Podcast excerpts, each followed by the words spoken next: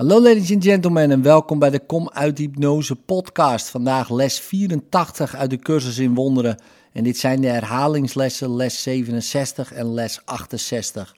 Dit zijn de ideeën voor de herhaling van vandaag. Les 67. Liefde schiep mij als zichzelf. Ik ben het evenbeeld van mijn schepper. Ik kan niet lijden. Ik kan geen verlies ondervinden en ik kan niet sterven. Ik ben geen lichaam. Ik wil vandaag mijn werkelijkheid onderkennen. Ik zal geen afgoden aanbidden, noch mijn eigen zelfbeeld verheffen en het in de plaats stellen van mijzelf. Ik ben het evenbeeld van mijn schepper.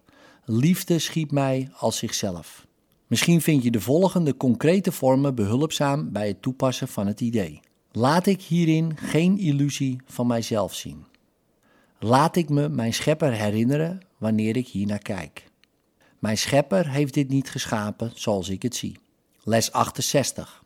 Liefde koestert geen grieven. Grieven zijn aan liefde volkomen vreemd. Grieven vallen liefde aan en houden haar licht verborgen. Als ik grieven heb, val ik liefde aan en daarom ook mijzelf. Zo wordt mijzelf mijn wezens vreemd. Ik ben vastbesloten mijzelf vandaag niet aan te vallen, zodat ik me kan herinneren wie ik ben. De volgende specifieke toepassingsvormen van dit idee kunnen van nut zijn. Dit vormt geen rechtvaardiging voor het verlogenen van mijzelf. Ik zal dit niet gebruiken als een aanval op liefde. Laat dit mij er niet toe verleiden mezelf aan te vallen. In liefde, tot morgen.